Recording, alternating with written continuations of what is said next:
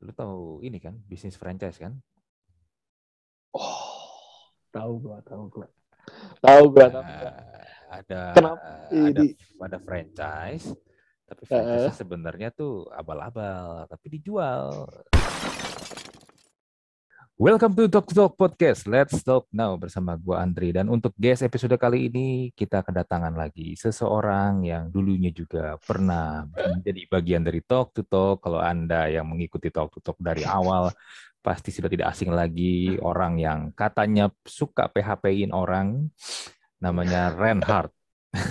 Apa kabar kok gua kedengar, kedengar openingnya kayak Deja Vu yang kemarin pria deh anjir. Ya karena lu berdua Halo. memang pernah jadi bagian dari podcast Betul. ini kan. Iya. Betul, betul. Yang dulu lu pernah cerita kalau lu dulu suka PHP. Ya. Ada, ayo bener sih masih inget aja lu kok. Iya. eh, lu itu, Oke lah. ikutin ini gak sih kemarin yang sempat ramai tuh yang di Twitter tuh yang katanya Tinder swindlernya Indonesia. Oh, dengar dengar dengar. Kemarin kan ada kan video-videonya tuh. iya, itu Geli banget. endingnya ini ya, endingnya sangat-sangat plot twist banget ya, tidak Plot twist banget ya. tidak menyangka ternyata. Ya, kukira maco ternyata melambai. Iya, waduh, kacau. Nggak begini ya, maksudnya gini loh, kan kalau kita bilangnya the Tinder swindler Indonesia kan ya kita pasti langsung ini dong referensinya ke Tinder swindler yang di Netflix kan, Betul. betul Betul. kan? Nah, betul. cowok ya kan ya kalau tampang memang good looking lah, tapi kan dia nipu karena dia nggak ngakunya kaya anak Iya. eh apa ju apa sih kayak yang Anak sultan lah ya, Sultan ya berlian dari Israel se- segala Ah, macam ah. nipu cewek-cewek ya kan. Nah, tapi kan karena kita lihat dia begitu, judulnya begitu kan kita kan langsung kepikiran oh ini cowok, korbannya cewek dong. Bener gak? Iya, betul, betul. Iya, iya. Tapi kan ternyata ah, setelah ada video orang itu ke gap pas lagi dia lari, lagi dia lari, lagi dia jogging, Kan ngeri ya. iya Eh, ternyata tapi ternyata korbannya laki, boy. tapi tapi tapi beneran. Gue bingung ya. Itu beneran ada lakinya atau ada yang ngempil juga cewek berapa berapa gitu. Wah, Atau kan- pure laki doang. Nah, kurang tahu, kurang tahu. Tapi kalau ngelihat seperti itu sih kemungkinan besar laki sih. Hmm. Sepertinya sih gitu kok. Iya. Aduh. Habis ngeri sih kalau udah kayak gitu. Gila gue jujur lebih ngeri dari yang kayak gitu, woi. Iya, iya, nggak nggak nyangka ya. Tapi tapi gini loh, permasalahannya adalah tetap aja Hmm. pertanyaan gua adalah kenapa orang gampang banget ketipu sama yang modelnya begituan di sosial media lu nggak kenal lu mungkin hanya mungkin dia hanya model bacot doang di sosmed atau dia hanya model ya dia posting-posting something yang kelihatannya dia orang kaya orang sukses Oh, yang iya kan? Tapi Flexing flexing gitu Iya, maksud lu. flexing flexing gitu. Tapi kan dia tidak tapi cuman come on man kayak, kayak yang kemarin aja sebenarnya kan udah, udah janggal kan. Maksudnya kalau lu memang akrab dengan produk-produk yang memang ya kita sih bilang produk-produk ini lah yang, ba- yang bagus dan original kan yang singlet yang dia pakai aja logo Nike-nya aja ada logo bola kayak Iya sebelahnya itu logo apa, woi? iya kayak logo sinar dunia cuy Itu bukan Nike aja gitu. Nike Nike. Iya. Lagian gini, lu kalau ngel- lu kalau ngelihat centangnya ya, centangnya Nike Hmm. itu, centangnya Nike yang di singletnya dia itu terlalu naik ke atas kan. Ya itu tuh setahu gue swoosh yang panjang gitu kan. Itu tuh lebih kayak stretch karena dipendekin dong aku. Iya, ya tapi makanya gue gue bingung gini loh. Maksudnya kan kalau dia punya duit, korban-korbannya, ya tapi ternyata masih bisa ketipu juga kan berarti kan Iya sih. tidak Tapi- menandakan orang yang punya duit dan well educated Hmm, ini ya Benar. eh, bisa harusnya lebih jeli lagi gitu. ya Ya. harus- harusnya lebih jeli lagi tapi bisa ketipu gitu loh. Tapi yang lucu kan ini kan pas kemarin gue sempet kirim ke lu kan, eh ternyata ada lagi Iya, sambungannya. Ternyata si Oh, korban belum lihat. si korban si korban itu katanya juga tukang tipu di kantornya yang lama. Hah? Wah, gila. Gila Gue itu. tahu up- itu plot twist banget anjir. itu lu kayak karma tuh gak ke mana gak sih? iya, kar- karma karma nggak jauh-jauh ke mana. Aduh, tapi itu benar-benar kemarin bikin heboh banget tuh pas Iya iya, di, bener Tinder swindler itu ya. ya, di Twitter kocak sih. Eventnya tuh berlan berlakunya tuh seudah twin Tinder Swindler yang di Netflix booming gitu loh. Terus kan langsung muncul juga nih yang di Indo nih. Iya. Kayak kan. di boomingin juga gitu. Dan ketahuan aja gitu kayak relatable banget soalnya kayak.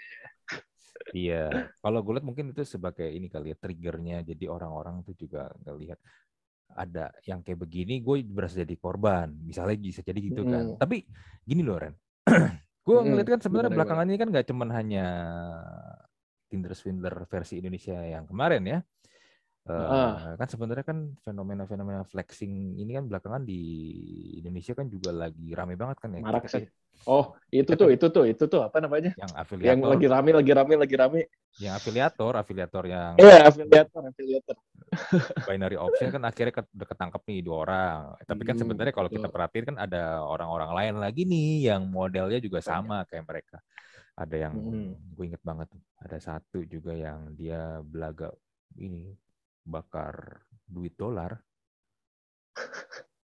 Jadi Si- pas Siapa itu aja? ada lah pokoknya kita kan perlu sebut nama lah ya di sini ya karena kan belum Nanti ketangkep. takutnya ditangkap lagi. Iya, iya. kan kan Iya, belum kan, kan belum kan belum belum ditangkap polisi ya kan. Nah, Oke. dia tuh belaganya begini Ren jadi gue inget Hmm. banget itu pas lagi imlek jadi pas lagi imlek Hmm. itu dia tuh bikin konten video Hmm. ada kayak semacam apa sih tuh kayak tempat buat bakar gitu lah ya ada api-apinya gitu dia Hmm. bilang gua gue bakar nih duit dolar wow dolarnya dibakar dibakar dibakar tapi ternyata setelah diteliti sama netizen ternyata dolarnya dolar mainan dong di Tokopedia Kan. ada Netizen Indonesia tuh udah paling bahaya sih. Iya, ternyata ada dijual di Tokopedia dan itu dolar dolar mainan. Cuman di Belaga oh, bakar-bakar duit gitu. Ya, ya, ya. Tapi buat ya, ya, konten ya, demi konten. ya buat konten dan mancing-mancing orang supaya orang tertarik juga.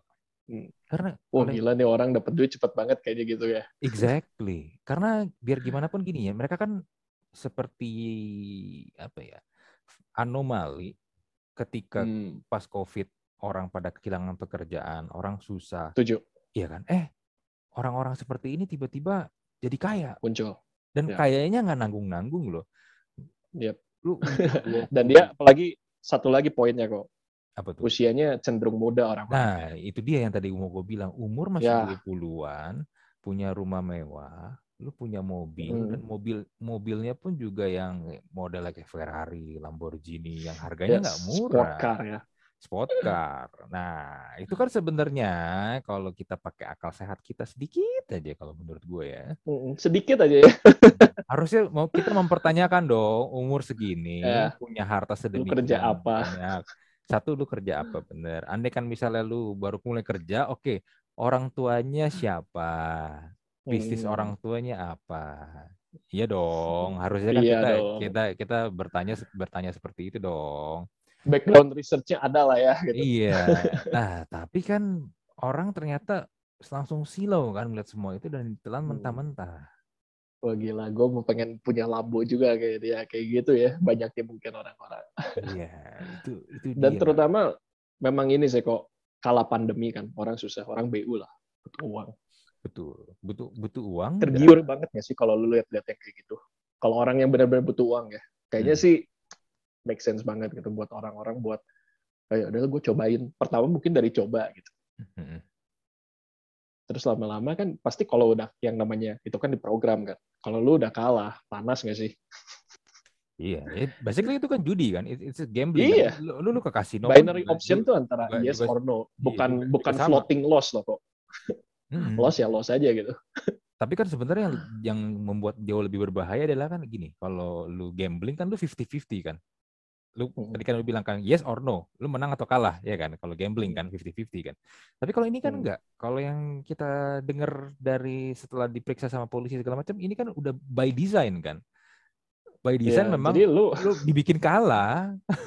pasti lu kalah, pasti lu kalah. Ya itu tadi gue bilang di skenario gitu. Jadi Mm-mm. udah ada kayak lu pasti uh, di script lah udah ada scriptnya lu pasti kalah kalau lu udah masuk situ. Iya, Cuman lu nggak tahu kapan aja mungkin di kedua atau di ketiga gitu. Mm-mm. Cuman Ya, at least di situ lu pasti kalah. Dan yang menurut gua menurut gua nih, Hmm. menurut gua pribadi yang lebih nancepnya tuh gara-gara gini loh. Itu tuh di dikibulinnya tuh deceitfulnya tuh kayak gini loh. bayangin lu kalau mau masuk judi online Mm-mm. tapi dia udah state itu di awal judi ya udah Hmm. gitu orang Hmm. emang udah tahu gue ke situ buat judi Mm-mm. tapi kan kalau orang ke sini tuh ibaratnya kalau orang yang tadi ya kurang pengetahuan atau apa gitu lu Hmm. nggak tahu ini tuh judi gitu. Iya, taunya ini investasi, ya kan? Taunya ini investasi, gue Ya. pengen dapet Lamborghini bro, Eh, nggak mau, gua- nggak mau tahu gue. Gue main ini. terus sampai gue dapet Lambo. Mm, betul. Ya akhirnya terjebak di situ. Iya. Sampai ada yang kemarin banting laptop kan karena rugi. Aduh, lu lu lihat parodi meme-nya nggak sih yang awalnya tuh orang naik CBR, mau Mm-mm. ke mana? Deposit katanya. Mm-mm. Keesokan harinya tuh naiknya Mio anjing. Ditanya lagi, mau ke mana? Hmm. Terus dia bilang, deposit. Besokannya udah pakai apa dong Supra aja. Supra yang zaman dulu gitu loh. Iya tahu Supra X. Ditanya lagi mau ke mana deposit. Hmm. Besok aja bajunya udah compang camping aja. Iya, iya, iya. Dan ya yang yang yang ngeri kan itu kan orang pakai Hmm. duitnya juga bukan pakai duit yang memang duit nganggur. Uang dingin gitu ya. Iya, uang dingin. Hmm, hmm, hmm. Dia tuh pakai uang yang itu tuh dipakai buat sehari-harinya gitu. loh. Mending sehari-hari keren. Nggak ada duit dia minjem, pinjol Ya, kan. itu. Aduh. Oh iya benar benar benar. benar. Itu lingkaran setannya udah berlipat ganda anjir. Oh iya bener, lu udah masuk ke situ, udah pakai pinjol, lu masuk ke situ, udah tuh, lu bener-bener udah kayak benang kusut tuh sebenarnya tuh. Itu udah gali kuburnya udah terlalu dalam sih. Hmm, hmm. Tapi kan selain itu kan juga ada ini juga kan ada robot trading juga kan, Oh iya, iya. gua dengar. forex forex robot trading. Nah lu Heeh. pernah ini gak sih Ren? Pernah ditawarin gak sih yang kayak gitu begitu? gue gue pernah sih temen sebenarnya teman gue tuh kayak ada yang jadi agent gitu cuman Hmm, eh gini ya kalau gue gue selalu nanya dulu gue lebih jadi lebih jadi orang yang kritis karena dari dari awal tuh background gue juga gue dibikin buat jadi orang yang kritis jadi gue tanya-tanya dulu hmm, ini tuh emang kenapa lu tahu robot ini karena algoritmanya kayak gimana? Atau terus ya yang pasti-pasti aja lah gitu. Hmm, kalau kalau ada robot trading dari dulu hmm, orang nggak akan ada yang rugi dong di pasar. Hmm, pasar pasar exchange. Hmm, satu sebenarnya gue mau nanya gue udah nanya ini tuh. Hmm, terus yang kedua gue tanya lagi. Kalau gue kalau gue deposit withdrawalnya prosesnya kayak gimana? Kalau ada yang janggal otomatis gue juga jadi curiga dong. Hmm, lu nggak bisa withdrawal selama seminggu misal kan hmm, kenapa gitu hmm, ada yang aneh sementara kalau gue mau main exchange biasa kan itu bener-bener kehendak gue gitu hmm. beda sama yang robot-robotan gini gitu. Kenapa robot ini harus butuh waktu jeda waktu yang cukup lama seminggu gitu. hmm. Dengan kata lain mungkin mungkin ya gue juga karena gue nggak tahu terlalu banyak tentang robot trading. Hmm. Selama seminggu tuh kan mungkin dia ada yang butuh uang, uangnya tuh diputerin gitu loh. Ketika dia udah ada uangnya baru lu bisa dicairin. Gitu. Hmm. Hmm. Menurut gue kayaknya gitu. Hmm. Kalau lu sendiri lu tahu nggak sih kok yang robot-robot trading kayak gitu? Ya, pada intinya gini sih, ketika ada seorang nawarin lu bisnis eh, Mm-mm. dan lu dibilang lu harus mencari member di bawah lu untuk supaya lu dapat lebih banyak lagi, itu sebenarnya Ah. udah red flag banget sih. Iya kan? Apa Karena MLM? Iya, M- eh, bukan MLM, itu udah money game, itu udah- itu udah udah pera, udah di skema piramida kan, udah ponzi, Piramida. iya udah ponzi, Ponzi. iya ujung-ujungnya gitu. Karena kalau memang produk lu bagus ya, harusnya lu tuh nggak perlu lagi nyari orang lagi buat nambah-nambahin di bawah lu dan sebenarnya ketika hasil lu invest atau hasil lu trading di situ lebih Hmm. kecil dibandingkan bonus-bonus ketika lu nyari orang. Ya itu kan dulu udah harus itu tuh tanda tanya besar banget tuh. Kenapa ini bisa terjadi seperti ini ya kan? Betul. Betul. gue itu dulu pernah juga ditawarin itulah kayak semacam travel travel gitu sama juga modelnya kayak begitu bro. Hmm. Eh, lu jadi jalan-jalan tapi sebenarnya pada intinya kalau lu telusuri lu tuh jalan-jalan katanya bisa gratis bisa lebih murah or whatever bla bla bla lu tuh sebenarnya dibayarin sama orang lain, which is orang-orang yang baru direkrut setelah lu. Iya benar. Mm-mm. Jadi lu Oh, ya, dapat- itu dapat kan? diskon, dapat dapat ini. Ya pada intinya memang ponzi pon- ponzi. Ya, ya lu Hmm. orang-orang yang lama mendapatkan keuntungan ya karena ada orang baru yang masuk. Betul, betul. Gue ingat banget tuh. Jadi jadi keinget gue itu juga kan skema salah satu yang dipakai waktu itu loh, yang ramai juga booming yang bikin-bikin kelas gitu loh. Gue ingat banget ada orang yang Nanti gue lupa siapa namanya tapi kok mungkin lu ingat. Hmm. Jadi dia tuh buka kelas, katanya kalau lu ikut kelas ini ini bakal merubah hidup lu, top. Lu Hmm. jadi sukses, lu jadi tajir. Hmm. Tapi lu harus deposit uang. Itu yang gue rada aneh gitu. Oh iya iya iya ada dong. Tapi gue lupa siapa namanya. ada ada namanya namanya nggak usah disebut lah ada ada ada ada. Ya, makanya itu juga sempat booming kan. Tapi itu juga kayak Ponzi gitu. Jadi sebenarnya ketika nanti dia batch baru masuk, Hmm. itu kan dia batch baru juga kan otomatis kan nyimpan uang lagi kan. Hmm. Nah itu adalah tepat setahun di mana yang uang yang batch sebelumnya baru bisa dicairin. Iya jadi Jadi dengan kata lain dia selama setahun punya modal yang bisa lu puterin di mana-mana gitu. hmm, betul betul. Ya jadi Dan- sebenarnya dia dapat boleh dibilang dia dapat inilah ya dapat dana nganggur lumayan gede bisa dia puterin dulu selama setahun. Iya. Yap, betul. Mm. Kalau lu minjem di bank kan belum tentu tuh dapat uang sege- segede gitu tuh buat lu modal. Betul, exactly. Kebayang nggak lu kok yang kayak gitu? Tapi gue, nah ini yang gue nggak tahu ya. Kayak Hmm. yang gitu tuh berhasil aja gitu. Orang tuh kayak, apalagi sekarang zamannya sosial media ya. Hmm. Banyaknya orang tuh ketangkep tuh di media, media sosial nggak sih? Kejaring gitu. Kayak, Hmm. Hmm. kayak, kayak silau gitu. Kayak gitu teh. Wah gila sih ini dapat duit cepet banget, gampang banget kayaknya. Hmm. Ya, Terus kan? kayak dia juga memang pemain-pemainnya menurut gue ya, memang Hmm. pemain-pemainnya itu memang cerdas sih. Karena dia selalu juga ngomong, ada beberapa yang ngomong gini, investasi yang terbaik itu adalah leher ke atas. Jadi kayak ngikut kelas dia tuh seakan-akan, oh gila gue ngikut kelas dia tuh ini nambah investasi kepala gue katanya. Mm-mm. Mm-mm. Ya karena memang menurut gue platformnya udah di emang didesain seperti itu untuk lu bisa seperti itu Ren. Karena karena gini deh, eh, mungkin ya ini ini gue ambil contoh yang positifnya aja lah. Misalnya gini deh, let's say. Kalau dulu Hmm. orang mau menjadi terkenal salah satu caranya adalah masuk TV kan. Betul. Betul kan? Masuk TV atau mungkin Betul. kalau gue tarik lagi ke belakang la- sedikit lagi radio. Radio, Ya, ya, radio atau TV ya kan. Kalau lu mau jadi kalau terkenal nih. masuk koran dengarnya kayak obituari ya. Eh, Iya, habis itu habis itu makan kuaci di rumah duka. nah, itu kan Oke. dulu dulu mungkin channelnya terbatas lah. Lu kalau mau jadi terkenal, Mm. eh, taruh lu mungkin jadi penyanyi, lu jadi artis, lu, mau- lu- intinya lu masuk ke dunia entertainment kan. Tapi kan barrier-nya itu kan tebel banget kan, susah lah untuk untuk Iya. untuk masuk lah. Nah, tapi kan Audisi ya. Oh mungkin nggak cuma audisi, lu andai kan lulus audisi pun lu belum tentu bisa jadi long lasting kan, lu jadi Iya, terkenalnya benar, lama kan. benar. Contoh paling gampang lah acara itu kan yang idol-idolan, lu lihat berapa berapa banyak yang masih bertahan, Sudah selesai sih ya. iya kan. Malah ada ini kan, malah ada selalu ada bilang gini kan, biasanya yang juara satu malah cepet hilang. Yang Ah iya betul. iya kan, kan juara satu katanya. iya kan. Runner up lebih lebih booming gitu. Iya, runner up lebih booming. Nah, tapi kan semenjak ada sosial media, itu semua Mm-mm. kan obstacle-obstacle tadi itu kan hilang tuh.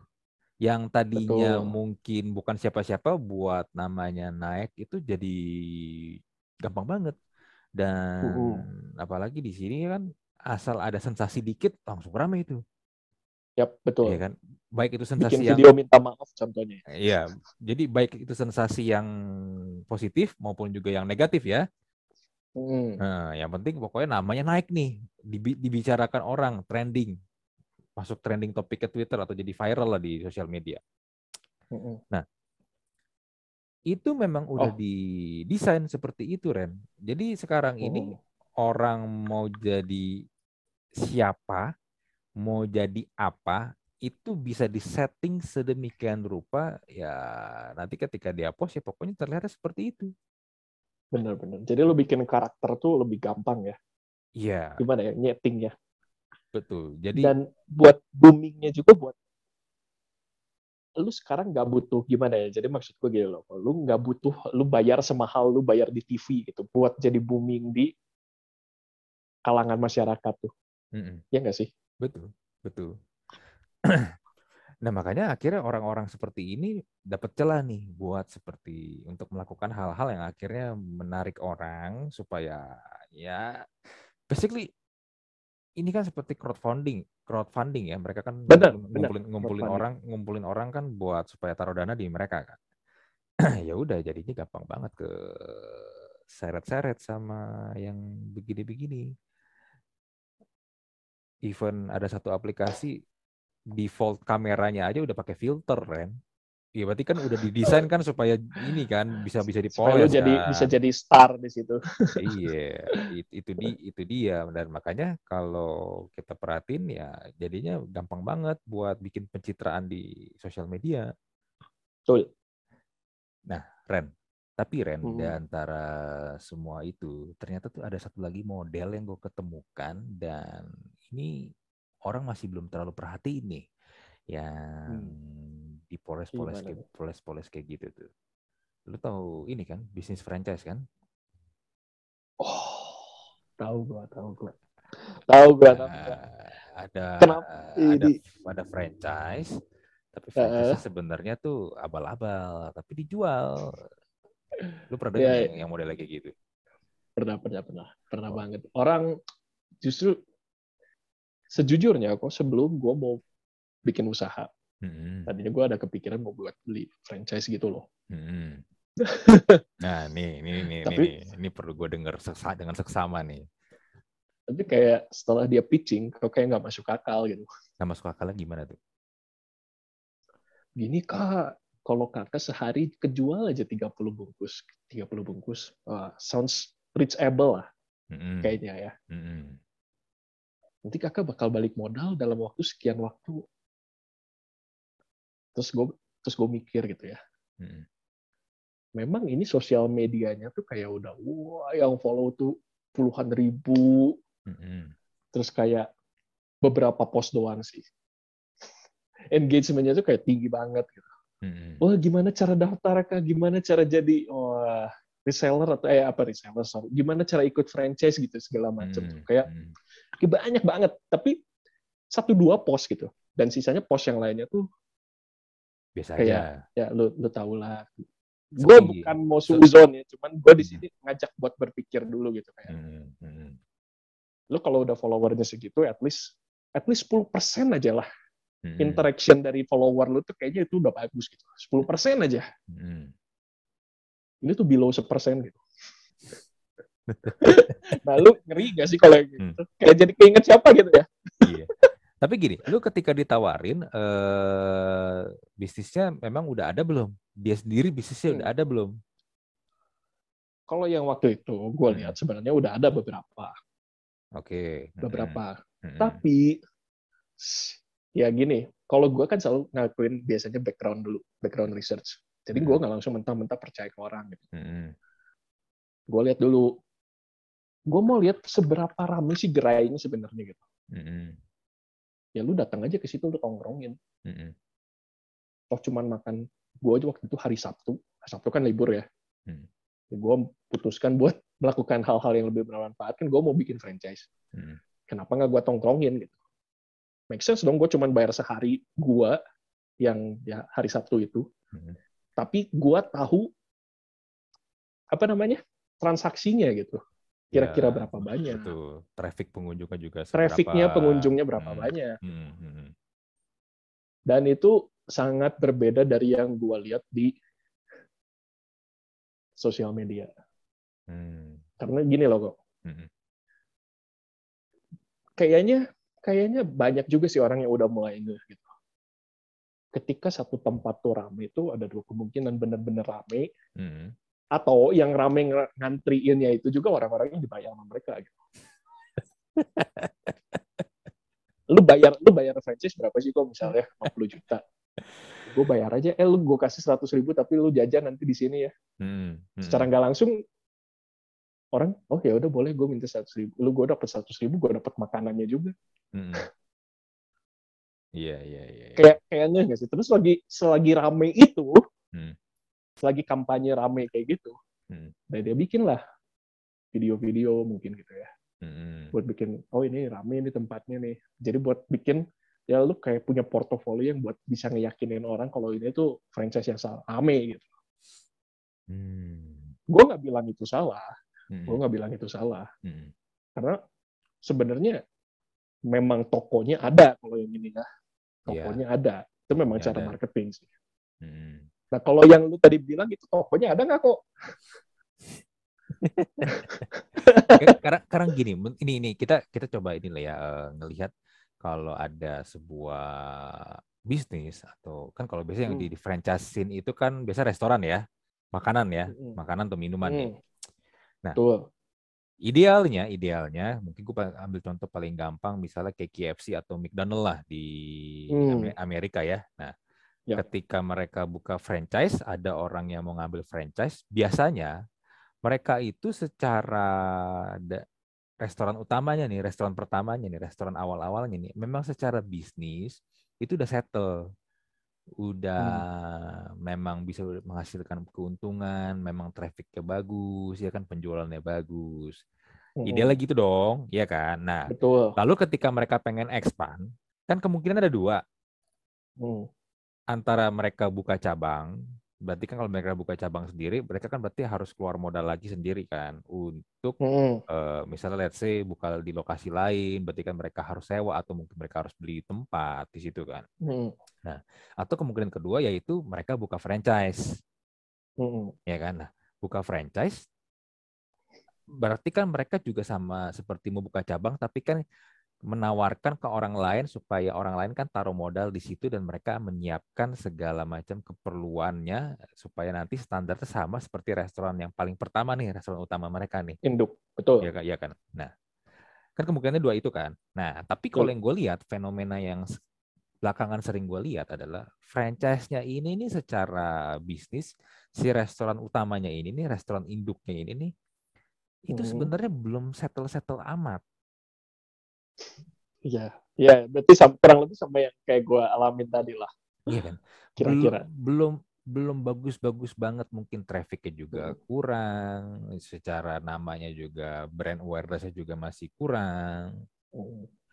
penjualan itu sebenarnya nggak bagus-bagus banget. Tapi mereka sudah menawarkan franchise terlebih dahulu. Malah gue pernah dengar ke waktu itu ada yang restorannya atau outletnya aja belum ada, tapi udah dijual dulu franchise-nya. Karena kenapa si yang nawarin franchise sudah bilang, kok masa lu nggak percaya sama gua? trust itu ya source-nya apa trust me bro Iya, source-nya trust, trust, trust me bro, atau source-nya dari dari WhatsApp ini, WhatsApp grup grup grup keluarga. trust me bro Nah, tapi kan masalah gini, Ya mungkin lu kenal ya, lu, lu temen ya, gua, gua mungkin gua sama lu temen nih, kita kita kenal ya Ren ya. Tapi kan masalah kalau udah hitung-hitungan bisnis kan tuh udah lain cerita dong, ya kan? ya kita kan Mm-mm. Kita kan nggak bisa bilang lu percaya, Benar. lu percaya gua deh. Kalau kata-kata yang udah begitu, lu percaya gua deh, ini bisnis pasti jalan. Itu udah 100% pasti tidak jalan, percaya sama gua. karena gimana ya kalau udah ngomong bisnis tuh ya justru setahu gue malah bisnis yang bakal jalan tuh justru orang yang biasanya biasanya gue nggak ngomong selalu ya tapi biasanya kayak 80% lah. Orang yang pasti ngomong duluan pahit-pahitan di depan gitu.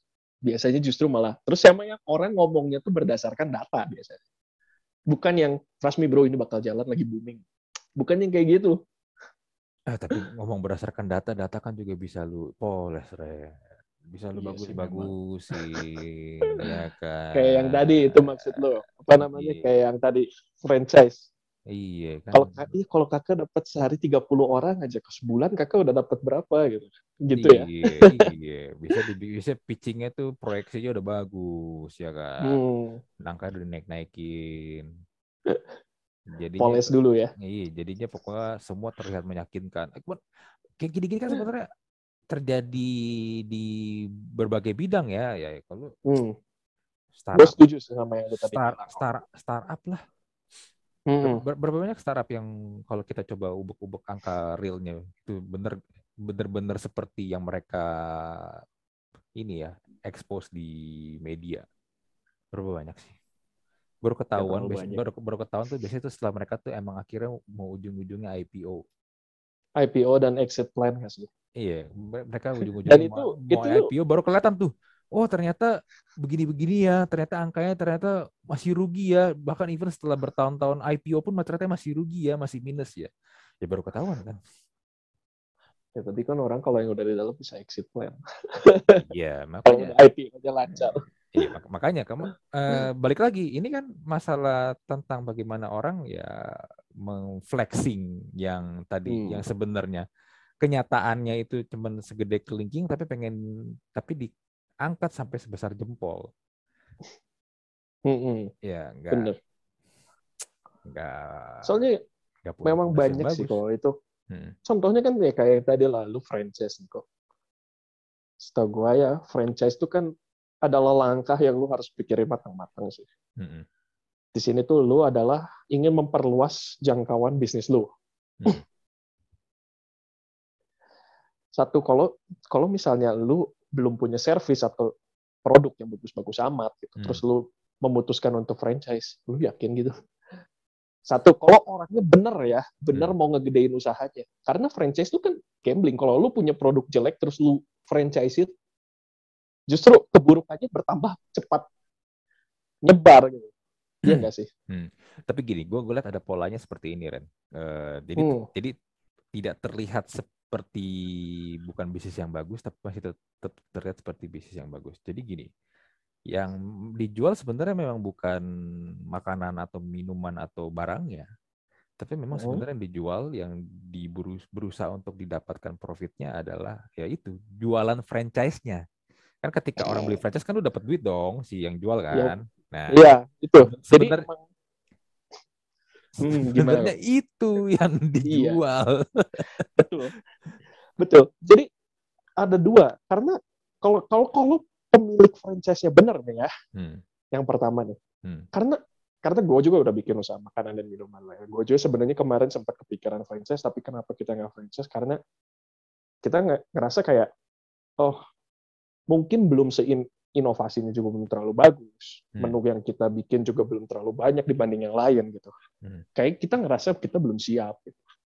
Tapi gini loh, kalau itu pola pikir kalau pem- eh, apa yang punya usahanya eh, ada takutnya ya.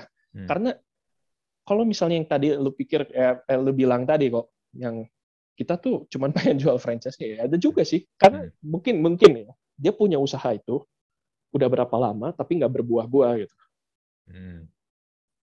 akhirnya ya kayak IPO nggak sih gitu kasarnya kasarnya kasarnya eh lu beli franchise gue lah gue yakin Hmm, nih hmm. rame segala macem nanti kalau udah itu ya, syukur-syukur kalau nanti produknya ada varian baru Hmm.